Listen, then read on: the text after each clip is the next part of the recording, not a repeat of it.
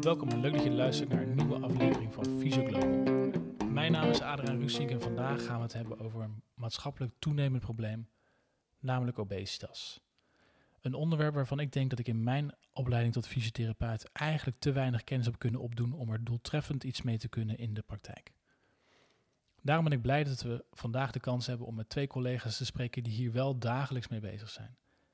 Namelijk diëtiste Deborah Mol, werkzaam in het Sint Franciscus Gasthuis en aangesloten bij Centrum Gezond Gewicht.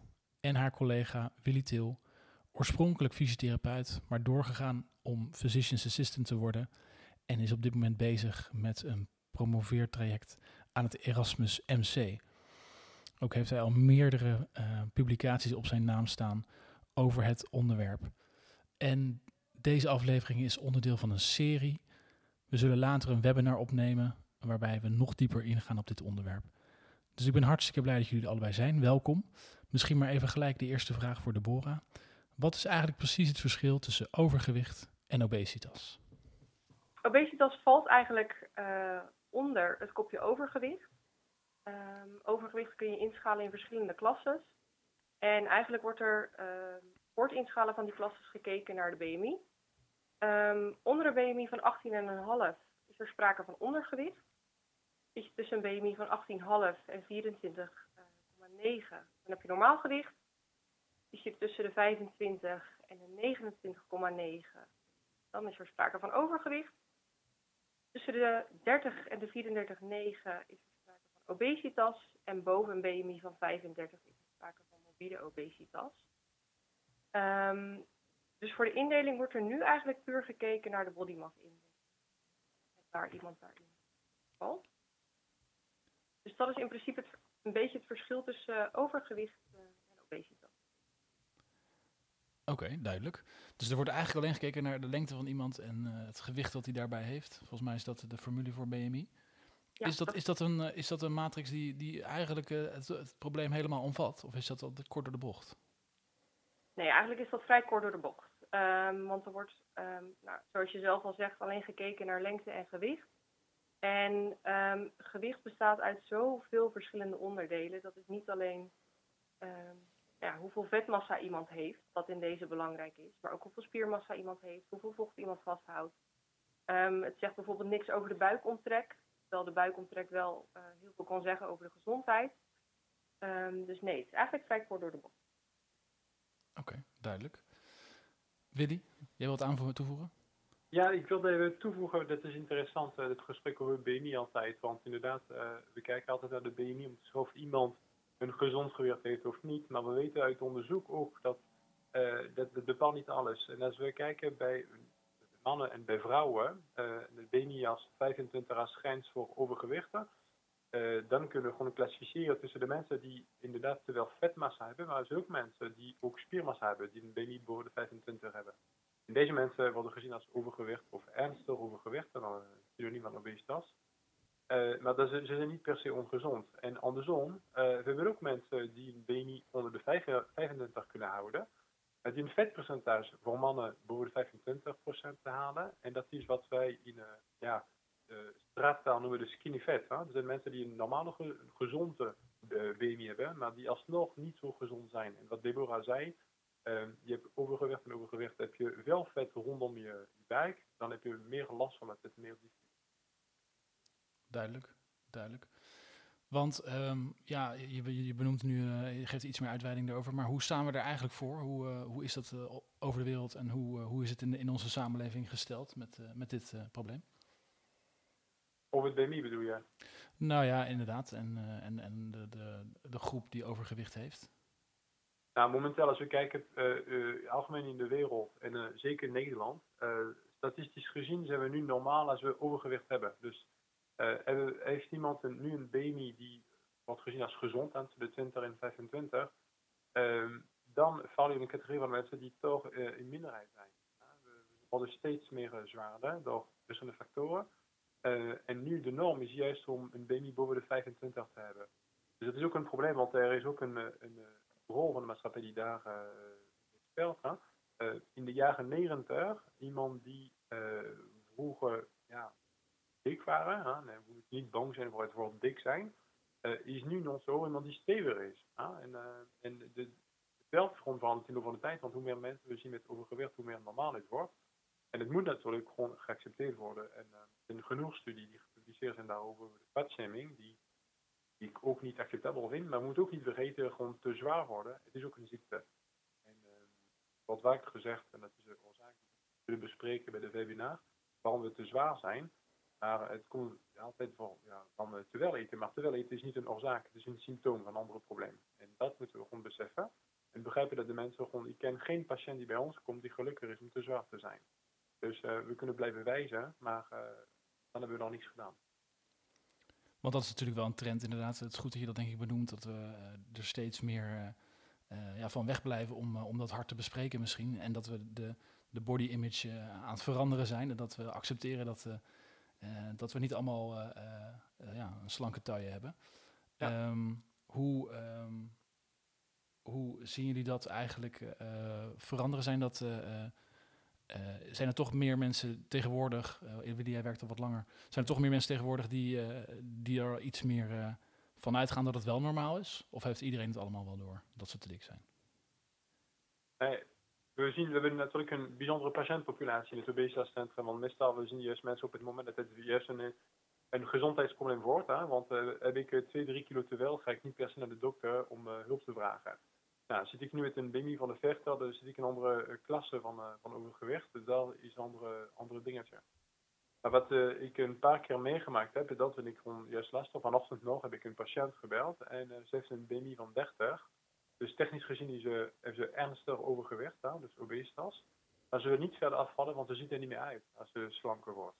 Dus het is inderdaad een, het beeld is zeker veranderd met, met de maatschappij. positief als negatief. Uh, we hebben nu een beetje de extreme. Zwaar zijn is gewoon normaal. Uh, en uh, we kijken ook met alle social media en filters die gebruikt worden.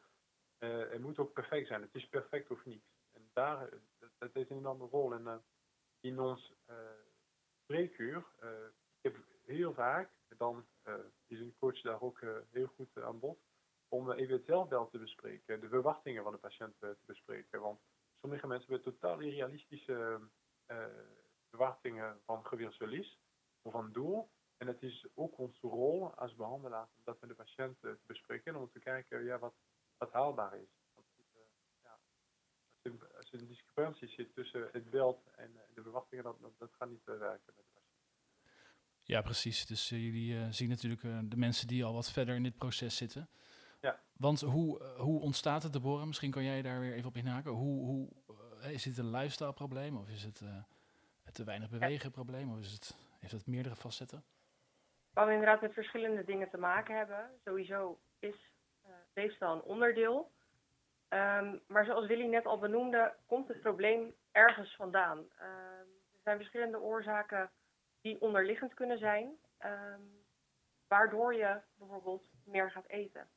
En Willy benoemde net ook al, het is een uh, symptoom maar geen oorzaak.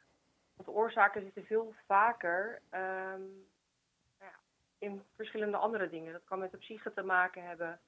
Um, dat kan uh, met hormonen te maken hebben, in een enkel geval met uh, eh, DNA bijvoorbeeld.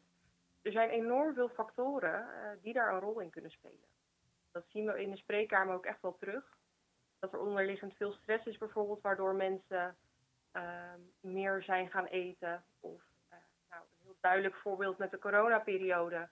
Mensen komen thuis te zitten, worden uit hun normale ritme gehaald. Um, sportscholen gaan dicht, dus mensen gaan minder sporten. Uh, je zit sowieso de hele dag al meer stil. De koelkast is dichterbij. Uh, en dat soort dingen ja, spelen allemaal een rol in die leefstijl. Dus jullie hebben echt wel gezien dat uh, in de laatste twee jaar dat er wel weer een, ja, ja. Een, een nog groter probleem is ontstaan eigenlijk. Nou, er, zijn, op zich drie niveaus waar, uh, waar we ook kunnen spelen. Hè. Het is op individu. Dus uh, ja, hoe, hoe, hoe, ben je als man en uh, als vrouw? wat zijn je, je voor- en nadelen? Want ja, we kennen allemaal van broer en zussen die ene te zwaar is, andere te, te, te slank is. Of te slank slank is. Dus heb je vast gewoon predispositie voor een bepaalde lichaam. maar dan heb je ook die omgeving die een rol meespeelt. En, en als laatste de relatie tussen dus de omgeving en, Want ehm, eh, ja, niet iedereen is te zwaar met dezelfde omgeving. Dus het gaat ook om de relatie die we maken met, uh, met onze omgeving in de maatschappij. Dus daar een enorme winst maken. En uh, als de patiënt dat begrijpt, hoe hij werkt, wat de omgeving is en wat de interactie kan maken, dan hebben we al een hoop bereikt. Oké, duidelijk. Dus de groep die jullie zien, hè, die, is, die is al wat verder in dit proces. Die heeft al wel meerdere dingen, strategieën waarschijnlijk toegepast. Um, want kun je misschien een beetje toelichten hoe het uh, gaat? Hoe komen mensen bij jullie op het spreekuur in het ziekenhuis?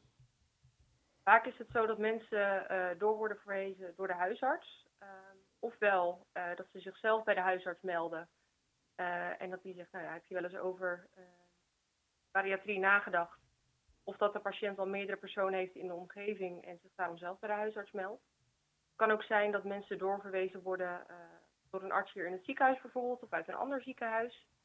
Uh, dus mensen komen eigenlijk van verschillende, worden door verschillende mensen doorverwezen. Um, dan melden ze zich hier aan en bij de aanmelding krijgen ze al een vragenlijst om te kijken of ze in aanmerking komen voor bariatrie. Um, dus of iemand uh, de Nederlandse of de Engelse taal goed beheerst, of iemand qua ehm, BMI in aanmerking komt, uh, of er comorbiditeit is, of iemand in het verleden al wel eens bij een diëtist of een psycholoog is geweest, wat voor afvalpogingen ze al hebben gedaan. Um, en op het moment dat iemand dan toegelaten wordt in het traject, komen ze in eerste instantie bij de voorlichtingsbijeenkomst. Daar krijgt iedereen uh, alle informatie over het verloop van het traject, wat we van mensen verwachten, alvast wat uitleg, zodat mensen echt weten waar ze aan toe gaan zijn. En um, nou dan volgt de intakedag. En op de intakedag um, komt de patiënt in principe eerst bij de obesitasverpleegkundige. Ook weer uh, een vragenlijst beantwoord. Uh, worden er vragen gesteld over hoe iemand zijn hele leefstijl er eigenlijk uitziet, hoe zijn voorgeschiedenis is, alle elementen die meespelen. Uh, daarnaast komt de patiënt ook bij de diëtist. Gaan we ook kijken naar hoe het komt dat iemand overgewicht heeft gekregen of obesitas. Um, hoe het huidige eetpatroon eruit ziet. We gaan ook wat meer dingen uitleggen over de eetgewoontes die belangrijk zijn voor na de operatie. De patiënt heeft ook al een vragenlijst ingevuld voor de psycholoog. Dus ook daar wordt even kort besproken van, nou ja, hoe uh, zit het met de psyche? Um, en vervolgens gaat de patiënt ook bloed prikken, zodat dat tijdens de uh, analysedag, uh, dus het tweede moment, bekeken kan worden door de internist. Um, en jullie doen ook overige onderzoeken, uh, lichamelijk, over voorgeschiedenis, hoe uh, zit het in de familie, wat, wat speelt er allemaal. De tweede dag komen patiënten ook weer bij de diëtist om te kijken naar nou hoe is het gegaan met het aanpassen van die eetgewoontes. Is het je gelukt om die switch te maken? Kijk ook even naar het gewicht. Um, en daarnaast is er ook meer uitleg over de voeding rondom de operatie. En um, zo nodig, als het afgesproken is, komt uh, de patiënt ook nog. Nogmaals bij de psycholoog voor een wat uitgebreider gesprek. En dan kan het ook best zo zijn dat we erachter komen van oké, wij hebben het idee dat iemand nog niet helemaal klaar is voor de operatie. Of, of nog uh, qua uh, psyche dingen spelen die eerst aandacht moeten krijgen voordat iemand voor uh, operatie kan gaan. Dat er in de voeding bijvoorbeeld dingen zijn of dat Willy bijvoorbeeld iemand verder wil laten onderzoeken om te kijken of er lichamelijk niks speelt. Dus dat is in principe een beetje hoe het voortraject eruit ziet. Ja, op het moment dat we wel zoiets hebben van oké, okay, iemand is klaar voor de operatie. Dan uh, komen ze bij de chirurg en bij de anesthesie. En dan wordt het echt ingezet op, uh, op opereren. Klinkt dus wel alsof uh, mensen een heel voortraject hebben eigenlijk voordat ze überhaupt de optie voorgelegd krijgen om, om ja. deze keuze te maken. Nou, misschien nog goed om te melden. Um, nou, ik werk niet voor de chirurgie, ik werk met de, met de chirurgie. Dus ik heb net een andere blik op, uh, op het traject natuurlijk. Want aan mij worden meestal twee vragen gesteld. Dat is één, uh, kan de patiënt veilig genoeg geopereerd worden? En meestal, dat is geen probleem. Uh, met de uitzondering van problemen met diabetes of hoge bloeddruk of zulke ja, ziektes die beter behandeld moeten worden. Hij wordt ook aan ons gevraagd, en dat is ook een andere vorm van aanmelding die we hebben. Sommige mensen komen bij ons met, ja, ik ben te zwaar, ik wil niet geopereerd worden. Dus ik wil graag andere opties bespreken. Dus we kijken ook naar de oorzaak. Wat, uh, hoe komt dat de mensen te zwaar zijn met alle factoren die invloed daarover hebben. En wat we daar ook kunnen doen. Want de bariatrie is één van de opties. Er zijn andere uh, mogelijkheden, uh, zoals medicatie of een gecombineerde lifestyle-interventie. En de opties zijn niet tegenstrijdig. Want u wordt vaak gevraagd of ik het niet ziet als falen. Het feit dat mensen gewoon geopereerd worden en niet um, vanzelf afvallen. Maar dat, dat, is een combinatie van alles. Want we hebben vaak mensen die bijvoorbeeld geopereerd worden en daarna toch in combinatie met een lifestylecoach gaan werken voor de operatie of na de operatie. En een paar jaar medicatie gebruiken. Dus dat is, uh, dat is een breed uh, behandeling, zeg maar, met verschillende opties. En die, uh, die opties geven voor iedereen. en iedereen heeft een, ja, een, een behandeling of maat nodig. Dus daar kun je niet gewoon zomaar zeggen, nou, iedereen opereren, klaar. Want dat werkt niet voor iedereen. Het is een, um, het is, blijft een operatie. Het is geen makkelijke keuze. Het is geen makkelijke behandeling. En de mensen daar snel blijven werken. Want iemand die komt, die geopereerd wordt, maar die niets doet aan verandering, dan uh, het is niet dat het niet gaat werken, het gaat alleen maar problemen veroorzaken. Ja, en ik denk dat daar de uitgebreide voorwerk ook uh, deels belangrijk voor is. Dat je echt weet dat je een gemotiveerde persoon hebt die ja. die verandering kan maken. En wat Willy ook zegt, het een sluit het andere niet uit. Um, we hebben bijvoorbeeld ook patiënten die wel de operatie willen ondergaan, maar gelijktijdig ook uh, met die gecombineerde leefstijlinterventie starten. En soms merken mensen ook, oké, dit is dus iets wat wel werkt voor mij als ik mijn hele leefstijl aanpas. En als ik ook echt iets doe wat vol te houden is. Nou ja, het mooiste is dan natuurlijk als mensen daar gewoon verder mee aan de slag kunnen gaan en dat dat uh, voldoende is. Ja, want dit is eigenlijk wat jullie volgens mij de GLI noemen. Ja, dat klopt inderdaad. Kunnen jullie daar iets meer in het kort, uh, kort over vertellen? Ja, de GLI is in principe um, een traject um, wat opgezet wordt voor twee jaar. En tijdens de GLI um, is er een behandelfase en een onderhoudsfase. Persoon die er eigenlijk overkoepelend in staat is de leefstijlcoach. Um, en wat er bij de GLI gebeurt is dat er niet alleen naar of de voeding wordt gekeken, of de beweging, uh, of de slaap bijvoorbeeld, maar dat eigenlijk alles aangepakt wordt. Zodat iemand alle vlakken aan de slag gaat. En vaak is het ook zo dat alle vlakken ook invloed hebben op elkaar het juist mooi als je het hele pakket in één keer mee kan pakken. En um, het verschilt een beetje per uh, programma van de GLI. Er zijn verschillende programma's die de GLI aanbieden. Zullen we tijdens de webinar ook uh, wel dieper op ingaan. Uh, maar het verschilt een beetje wat voor behandeling of begeleiding iemand gaat krijgen. Soms is het dus alleen de leefstijlcoach die in het traject staat. Een andere keer zijn er wel bijvoorbeeld diëtisten, fysiotherapeuten, psychologen, andere disciplines bij aangesloten. Dat wisselt dus een beetje. Maar in principe gaat de coachie de eerste, of het eerste jaar aan de slag echt met de verandering en het aanpassen van de leefstijl. En het tweede jaar is er dan aandacht voor onderhoud. Dus uh, zeker op de momenten dat mensen bijvoorbeeld die, ja, wat meer last hebben van terugval, of dat het wat lastiger wordt, ja, omdat je echt wat meer gaat wennen aan de gewoontes ja, dat er dan nog wel iemand is die met ze mee kan denken en die ze nog wat extra handvatten kan geven. Ook belangrijk om te melden, de GLI wordt sinds 2019 inbegrepen in het basispakket voor mensen met een ernstig overgewicht, dus BMI 30 plus. Dus het kost in principe niks aan de patiënt. En uh, het wordt wel goed op het moment dat, uh, dat een verwijsbrief uh, gekoppeld wordt. Dus als een huisarts of een specialist patiënt bewijst aan een GLI coachen, dan in principe kost het niks aan de patiënt. En voor de duidelijkheid, GLIE staat voor gecombineerde leefstijlinterventie, toch? Ja. Ja, precies. Oké. Okay. Um, nou is, uh, is het dus duidelijk dat het een heel groot, omvangrijke aanpak is voor ook een, ja, een heel gelaagd probleem. Um, je, je benoemde het net eerder al een beetje. We kunnen denken aan slaap, we kunnen denken aan voeding, we kunnen denken aan beweging. Um, als het gaat om fysiotherapie bijvoorbeeld. Wat is de rol van de fysiotherapeut eigenlijk bij jullie? Is dat extern gedaan of wordt dat in huis bij jullie opgezet? Nou, Inijs, de fysiotherapeut, ja helaas net als een beetje overal in de zorg, wordt een beetje afgeschaald. Dus momenteel de fysiotherapeut is alleen perioperatief aanwezig. Dat betekent dat de patiënt krijgt instructie van de fysiotherapeut rondom de operatie met vooral naar beweegaspecten in de zin van, ja, als je net geopereerd bent, heb je vijf graadjes in de buik, ja, hoe kom ik uit bed? Uh, hoe moet ik de trappen uh, op en af? En hoe moet ik dingen sjouwen en hoe moet ik draaien? Nou, dat, dat zijn praktische problemen. Ehm, na een buikoperatie in het algemeen, uh, dat heeft ook uh, consequenties op je ademhalingsstelsel. Dus uh, meestal hebben mensen gewoon meer last van slijm of ze kunnen niet zo goed hoesten, ze kunnen niet diep goed ademen. Dus daar zijn ademhalingsoefeningen ook heel belangrijk voor deze patiëntenpopulatie, zeker na, na de operatie. Dus dat is hoe de fysio betrokken is. Dan in het algemeen voor de behandeling van, van obesitas. we hebben hier geen, of er bestaat geen waar mensen zich kunnen aanmelden. We hebben wel een aantal studies laten draaien met de populatie van patiënten die obesitas hebben en dan met goed resultaat. Alleen is dat nog steeds niet uh, vast in de, in de, boekjes van, uh, van de verzekeraar dat, dat de interventie goed moet worden.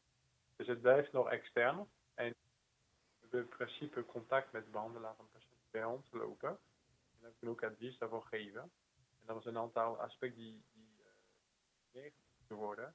Uh, over, over het trainingsaspect, die uh, we bespreken tijdens een webinar trouwens, over ja, wat, wat kun je doen als fysiotherapeut met je patiënt die, die wil afvallen. Want heb je een patiënt die komt met uh, zere knie, nou, elke fysio weet hoe een zere knie moet behandelen. Ja, maar als de patiënt te zwaar is, wat, wat dan? En als je hulpdrager is niet met een zere knie, maar met een gewicht, dan hoe kun je het best aanpakken? En dan zijn er een aantal van, ja, belangrijke elementen die, die de fysio kunnen helpen om ja, ik denk dat dat een heel, uh, heel herkenbaar probleem is. Iemand uh, die komt in de praktijk, is te zwaar, wil afvallen, maar kan vanwege alle fysieke beperkingen die hij uh, als, als gevolg van het overgewicht inderdaad heeft, heel moeilijk trainen. En ehm, ik denk dat dat inderdaad een heel mooi onderwerp is om, om later meer ja. op, op door te pakken. Um, want jij hebt daar ook onderzoek naar gedaan. En daar zijn ja. inderdaad wel hele interessante bevindingen uit voortgekomen. Um, maar zijn er dan bijvoorbeeld, uh, want als je het nu omschrijft, uh, zoals het nu opgezet is, heeft dus eigenlijk alleen in de, de klinische fase heeft een, is er een fysiotherapeut bij betrokken. Ja. En nadien is er eigenlijk geen, uh, nog geen. Ja, da, dan is het gebeurt in het algemene zo. Hè? Het is gewoon, je weet dat je niet mag roken, dat je niet te veel moet drinken, dat je moet bewegen, dat je gezond moet eten. Maar praktisch gezien heb je niemand die je hand neemt om, om daar naartoe te werken. Dus uh, dat, is, uh, dat is het probleem, dat mensen gewoon een goede advies krijgen.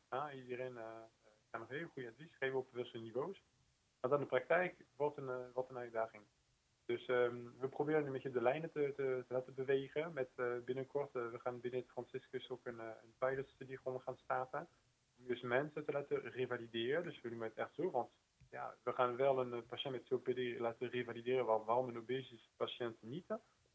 En dan kijken of dat uh, toch niet uh, meer effect geeft boven de behandelingen die nu bestaan. En voor een, voor een prijs die, die voor de verzekeraar misschien acceptabel is. Want we moeten ook weten dat de behandeling van obesitas enorm veel geld kost.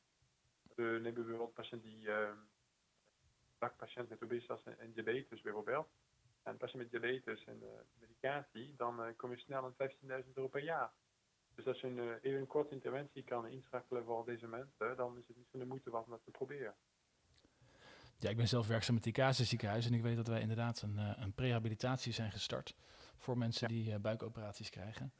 En daar zien we inderdaad hele leuke resultaten mee, maar dat wordt inderdaad ook vergoed vanuit het DBC ja. vanuit, uh, vanuit het ziekenhuis. Dat was voor mensen met uh, colorectaal carcinoom, heb je dat waarschijnlijk over? Ja, klopt, ja. Ja, ja maar dat, dat, mensen hebben kanker, dus dat is dus een ziek. Als je te zwaar bent, ben je niet ziek. Dus van niet wel goed, helaas. Want is obesitas dus niet een, uh, uh, wordt niet gezien als echt een, een, een, een uh, hoe moet ik dat goed ziekte. zeggen? Een ziekte, ja. Nou, officieel van de WHO sinds 19, als ik het goed zeg, 97 of 98, of eind jaren 90 wordt het erkend als een ziekte. Maar het probleem is, omdat het zo multifactorieel is en alle pakken betrekt, dan, dan je kan het niet als één ziekte gewoon houden. Um, ja, een patiënt met obesitas heeft, uh, kan last hebben van, van heel veel dingen. we hebben nu over de fysio's met zere knieën, zere rug. En dat is mooi, maar we hebben ook net over patiënten met, eh, met diabetes. We hebben vrouwen met, met infertiliteit. We hebben uh, patiënten met huidproblematiek, dus het meer de dermatologische kant. Uh, problemen met cardiovasculaire complicaties, met slechte longen of haar. Dan hebben we ook nog niet over de metabool aspect met ja, wat ik zeg, diabetes en uh, andere ziektes die erbij lopen. Ja, maagdarmleverarts is ook uh, betrokken. Ja, noem maar op. Dus ik ken geen specialisme waar obesitas niet een risicofactor is. Dus we gaan een naam plakken voor een ziekte in een vak, maar obesitas past bij, is geen vak op zich, het is overal. Ja, het is eigenlijk meer een systematisch probleem dan dat je zegt het, is, het zit hem in één orgaan waarbij, waarbij dit niet functioneert of niet wordt aangemaakt. Dus uh, wat is dan, dan de waarde van een, uh, van een vroege diagnose? Hè? Want jullie zitten natuurlijk al een beetje in richting dat einde van dat, uh, van dat beloop. wat, wat, zouden we, wat, wat denken jullie dat we daar te winnen hebben? Misschien Deborah, misschien als diëtist, kan jij, kan jij zeggen van nou, ik... Ik denk dat er heel veel te winnen valt. Um, wat we nu vooral merken, of wat ik vooral in mijn spreekkamer zie, is dat mensen al heel veel verschillende soorten diëten hebben geprobeerd. Uh, met alle gevolgen van dien ook wat dat betreft en met alle kosten uh, die daar ook bij komen kijken. En mensen weten op een gegeven moment ook niet meer wat nou goed is en wat slecht is. Zeker uh, met alle social media nu, met ehm, internet, je kan alles vinden, alles googelen. En mensen vinden het gewoon heel lastig om te bepalen van oké, wat is dan een goed voor me en wat niet. Het is heel lastig om dat onderscheid te maken. Dus waar je nu vooral nog bezig bent met het oplossen van het probleem en het inzetten van de interventie, nou ja, een beetje inderdaad wat je zegt, uh, wat meer richting het einde van het traject. Dat zou je natuurlijk veel liever preventief willen doen. Want nu is uh, die GLI voor uh, mensen met een BMI boven de 30 dat het vergoed wordt. Maar het zou natuurlijk mooi zijn als dat in de toekomst, um, nou ja, misschien niet voor iedereen, maar in ieder geval voor meer mensen die dat lastig vinden en die daar al zo lang mee bezig zijn aangeboden wordt. Dat is met meer educatie vanaf jonge leeftijd. Die is zeker een, een belangrijke punt. Ja. Want ja, we zeggen wel, uh, beter voorkomen dan genezen. Dat is precies wat nu het probleem is. Uh, als we diep gaan in de fysiopathologie van obesitas, uh, iemand die ooit zwaar is geweest, kan makkelijker aankomen dan iemand die nooit zwaar is geweest. Dus in die zin, uh, beter voorkomen dat we een keer zwaar worden, dan, dan, dan proberen we de hele leven om te vechten met het probleem. Dus eigenlijk, als je het meest uh, treffend een interventie zou doen, dan zou je dat op zo'n vroege leeftijd mogelijk willen, uh, willen, ja, willen inzetten. Precies, want ik denk uh, gelijk zwaar op jonge leeftijd een interventieplannen. Het gaat puur om educatie, ja. Dus het, is gewoon even leren eigenlijk kinderen om gezond te eten. En ouders ook natuurlijk. En dan bewe bewegen dat het, dat het meegenomen wordt in, ons, in ons systeem. Want we hebben steeds meer de neiging om minder te doen. En dan, zeker met corona hebben we gezien. Hè? dat uh, als we niet getriggerd worden, dan, dan gaan we vanzelf. Ik altijd tegen mijn patiënt, we zijn luie dieren. Dus uh, als we niet het lichaam gaan uitdagen, dan het lichaam gaat het prima vinden. En gaan het zo laten slepen. En dan een paar jaar verder. En dan, ja, het is groter geworden dan verwacht. Dat oppakken, dat kost heel veel tijd, energie en ja, en dan is het natuurlijk inderdaad ook zo dat, ze, dat vooral kinderen nog afhankelijk zijn van hun omgeving. Ik bedoel, als volwassene kan je nog heel goed kiezen van uh, ik, eh, ik stop dit in mijn mandje in de, in de supermarkt. Maar uh, als kind dan uh, ben je natuurlijk heel erg verantwoordelijk voor, afhankelijk van, sorry, van wat je ouders in je, in je directe omgeving doet. Het is interessant wat je nu zegt over het supermarktaspect. Hè? Want dat, dat, wat ik net zei, tussen individu, omgeving en de relatie tussen de twee, ja, die omgeving moet ook veranderd worden. Hè? Ik, uh, ik had van de week een voorbeeld. Ik ga de naam mag niet noemen, maar uh, voor de klapdeur van de supermarkt was een aanbieding van taartjes. En er waren drie taartjes. Uh, taartjes was genoeg voor vier mensen, dus je had genoeg voor drie maal vier, dus twaalf personen. Het was 1,50 euro. Dus we kunnen ons best doen, maar ja, als ik als scholier binnenloop en voor 1,50 euro heb ik 12 stukken taart of nog een half doos met uh, drijven, ja, ik ook voor de tafel kiezen. En sowieso is het nu natuurlijk ook hoe de hele supermarkt is ingericht. Want daar is heel slim over nagedacht en hele studies naar gedaan. Ja, hoe je je producten het beste kan verkopen. En dat zijn over het algemeen niet de meest gezonde producten. Als jij naar de kassa loopt en je ziet de kassakoopjes, dan ligt daar over het algemeen geen appel, uh, maar wel een Twix bijvoorbeeld. Dus de patiënt wordt, of de mens in het algemeen, niet eens de patiënt, wordt ook zo door de supermarkt geleid dat die verleidingen alleen maar groter zijn. En op het moment dat jij goed in je vel zit en je voelt je goed en nou, je hebt een boodschappenlijstje gemaakt, je weet wat je wil halen, kan je die verleidingen vaak best wel weerstaan. Maar ben je al moe, heb je een slechte dag gehad, uh, ben je al twee weken bezig met diëten, maar het lukt niet, um, en je voelt je gefrustreerd, dan is het ook veel lastiger om die verleiding te weerstaan. En dat is, ja, wat het ook heel lastig maakt. Dat je misschien ook wel vier keer nee kan zeggen, maar dat die vijfde keer je energie ook echt wel op is en dat je dan wel voor die verleiding. Ja, dat je dan kiest voor de snelle suikers die je, je eventjes snel oppeppen en uh, vervolgens uh, toch uh, je verder achterop helpen. Zelf zeg je nee, was je alweer gewoon getriggerd met een bepaald beeld, een bepaald idee. En dat nu alleen maar het feit dat we nu aan het praten zijn over voedsel, en uh, wat uh, genoemd, dan van binnen gebeurt dan nu wat. En als we constant getriggerd worden met beelden, en het is gewoon echt visueel of gewoon mentaal over, over eten, dan ja, en als je kijkt gewoon s'avonds tv, waar gaat de reclame over? Alleen maar over chips, drankjes, pizza's en uh, Dus daar wordt het, wordt het lastig om, om te zeggen, nou, ik blijf sterk. Want je ja, zelfs als je het niet wil, je, je wordt constant uh, getriggerd door zulke reclame. Zou suiker, als suiker vandaag werd uitgevonden en op de markt werd gebracht, zou de Nederlandse Voedsel- en Warenautoriteit dat toelaten, denk je? Of zou het geband worden, wetende wat we nu weten? Nou, ik, ik ben niet van zeggen, u moet iets verbieden, want we hebben suikers nodig. Uh, suiker is belangrijk uh, om energie aan te maken. Maar de vraag is hoeveel suikers moeten we gebruiken. En dat, daar, daar ligt de grens. En ik, ik zeg het altijd aan mijn patiënt die een koolhydratenvrij dieet willen volgen. Als ze geen diabetes hebben, waarom ze dat willen doen? Die kennen geen topsporter die geen suiker gebruikt. Vinden ze ongezond? Ja, volgens mij niet.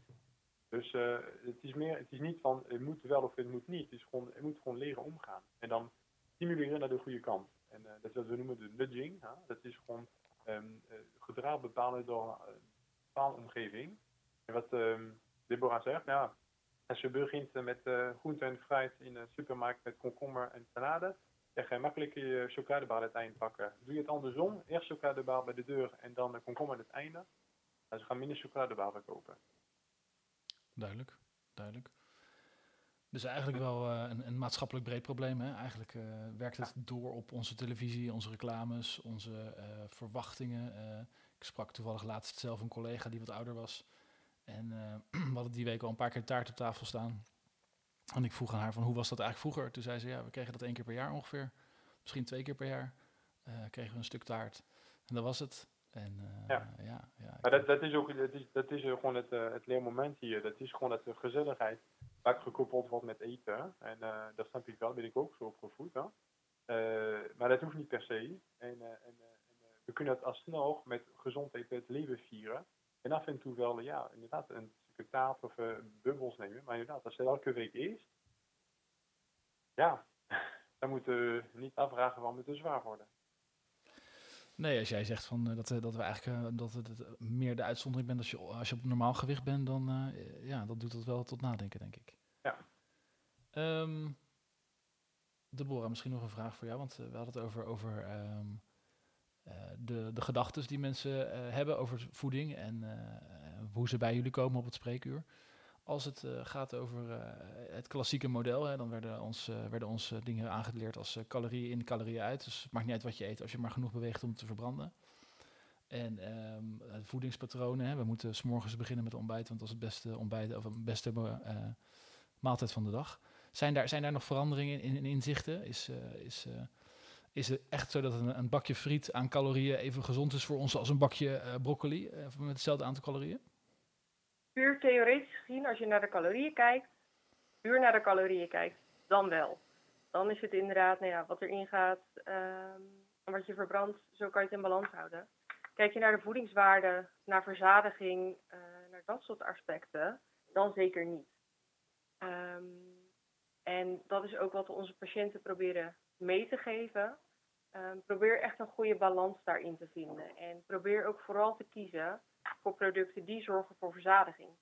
Zodat je, nou ja, als je qua calorieën hetzelfde eet aan broccoli en je vergelijkt dat met een patatje, zit daar een behoorlijk verschil in. Dan kan je heel wat stronken broccoli eten, wil je aan dezelfde hoeveelheid komen uh, als aan dat patatje. Heb je die broccoli gegeten, hoef je daarna echt niks meer. Heb je dat patatje gegeten, denk je misschien, nou, ik lust nog wel wat. Pak er snack bij of neem nog een toetje daarna. Um, nou ja, en dat maakt het grote verschil. Wat zijn de voedingswaarden? Wat levert het? Maar ook, hoe ben je bezig uh, met het eten? Dus Die broccoli is vaak uh, wat lastiger te kauwen. Moet je heel lang mee bezig zijn voordat je dat allemaal goed hebt fijn gekauwd.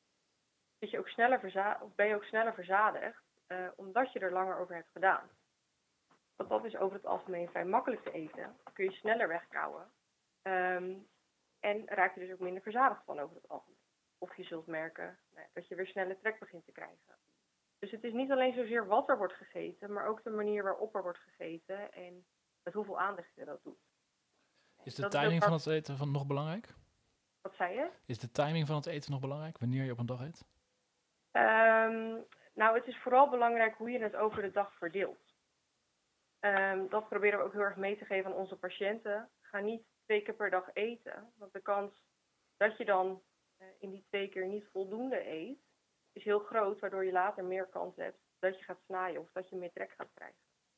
Verdeel je het wel beter over de dag, maar eet je kleinere porties, ja, dan krijgt je lichaam de hele dag door die voedingsstoffen binnen. Heb je op de dag al voldoende, uh, dus zul je later hopelijk meer of minder last krijgen van dat je nog meer trek hebt of dat je nog meer, meer wil pakken. En wat dan ook zo is, is uh, op het moment dat iemand bijvoorbeeld op de dag niet zo heel veel eet, um, s'avonds bijvoorbeeld wel een portie van de warme maaltijd neemt, um, dan is het op zich prima om s'avonds nog wat te eten. Maar hoe later op de dag, hoe moeier je het over, hoe moeier je over het algemeen bent. En hoe lastiger het ook is om gezonde keuzes te blijven maken. Want we hadden het er net over dat je de hele dag door getriggerd wordt, de hele dag door keuzes aan het maken bent van doe ik iets wel of doe ik iets niet. En zoals ik al zei, op het moment uh, dat je voldoende energie hebt en dat je je goed voelt, dan is het makkelijker om nee tegen iets te zeggen dan wanneer je al moe bent, bijvoorbeeld. Um, dus in die zin heeft dat zeker invloed. Snap ik. Er zijn op dit gebied dus een strategie voor eetpatronen. En het is net als andere behandelingen. Het is niet dat één uh, one fit uh, all. Het, het, moet gewoon aangepast worden voor de patiënt hoe, de, hoe, zijn, uh, hoe zijn leefstijl ook nog is. Dat is een algemene gewoon, regels die iedereen moet natuurlijk volgen. Maar normaal is is iets waar de patiënt juist het probleem heeft om tussen alle dieet die bestaan, om te zwemmen tussen de ene en de andere en kijken wat voor hem past. Want um, het probleem die we ook hebben, het woord dieet in het Nederlands is een slechte vertaling van wat diet in het Engels. Een diet in het Engels is een eetpatroon. En iedereen moet zijn eigen diet dus hebben en niet in de zin van een bepaalde een ketogeen, een, of dit of dat. Het maakt niet uit wat dit is, uh, maar hij moet gewoon zijn eetpatroon gewoon kunnen winnen waar hij in staat is om te kunnen genieten om uh, geen last van te krijgen en om gezond te blijven. En dat heeft iedereen een beetje zijn eigen voorkeur natuurlijk. Maar, uh, ja. Nou, ik denk dat het een hele, hele mooie nuance is die je aan het eind nog even legt. Want het inderdaad, uh, zoals je eigenlijk van het begin tot het einde dit proces sturen, is het, is het echt op maat gemaakt. En het is natuurlijk ook moeilijk en iedereen is daar weer anders in. En het is niet one size fits all, zoals Willy al zei. Het is, het is misschien ook wel moeilijk voor ons als fysiotherapeuten en diëtisten uh, om, uh, om ons goed in te leven in een groep die al zover is, die al zoveel klachten begint te krijgen. Het is denk ik best wel lastig, tenzij je er heel veel mee bezig bent, om alle gevolgen van dien op zowel mentale gesteldheid als fysieke als sociale, om dat allemaal goed door te hebben. Dus ik ben hartstikke blij met, dat je, met het gesprek van vandaag. Ik heb er veel van opgestoken en ik hoop de luisteraars ook. Er is echter nog veel te bespreken. En zoals benoemd is deze aflevering het eerste onderdeel van een serie. Binnenkort houden we een live webinar waarin we de tijd hebben om dieper in te gaan op strategieën die we kunnen toepassen in de strijd tegen obesitas.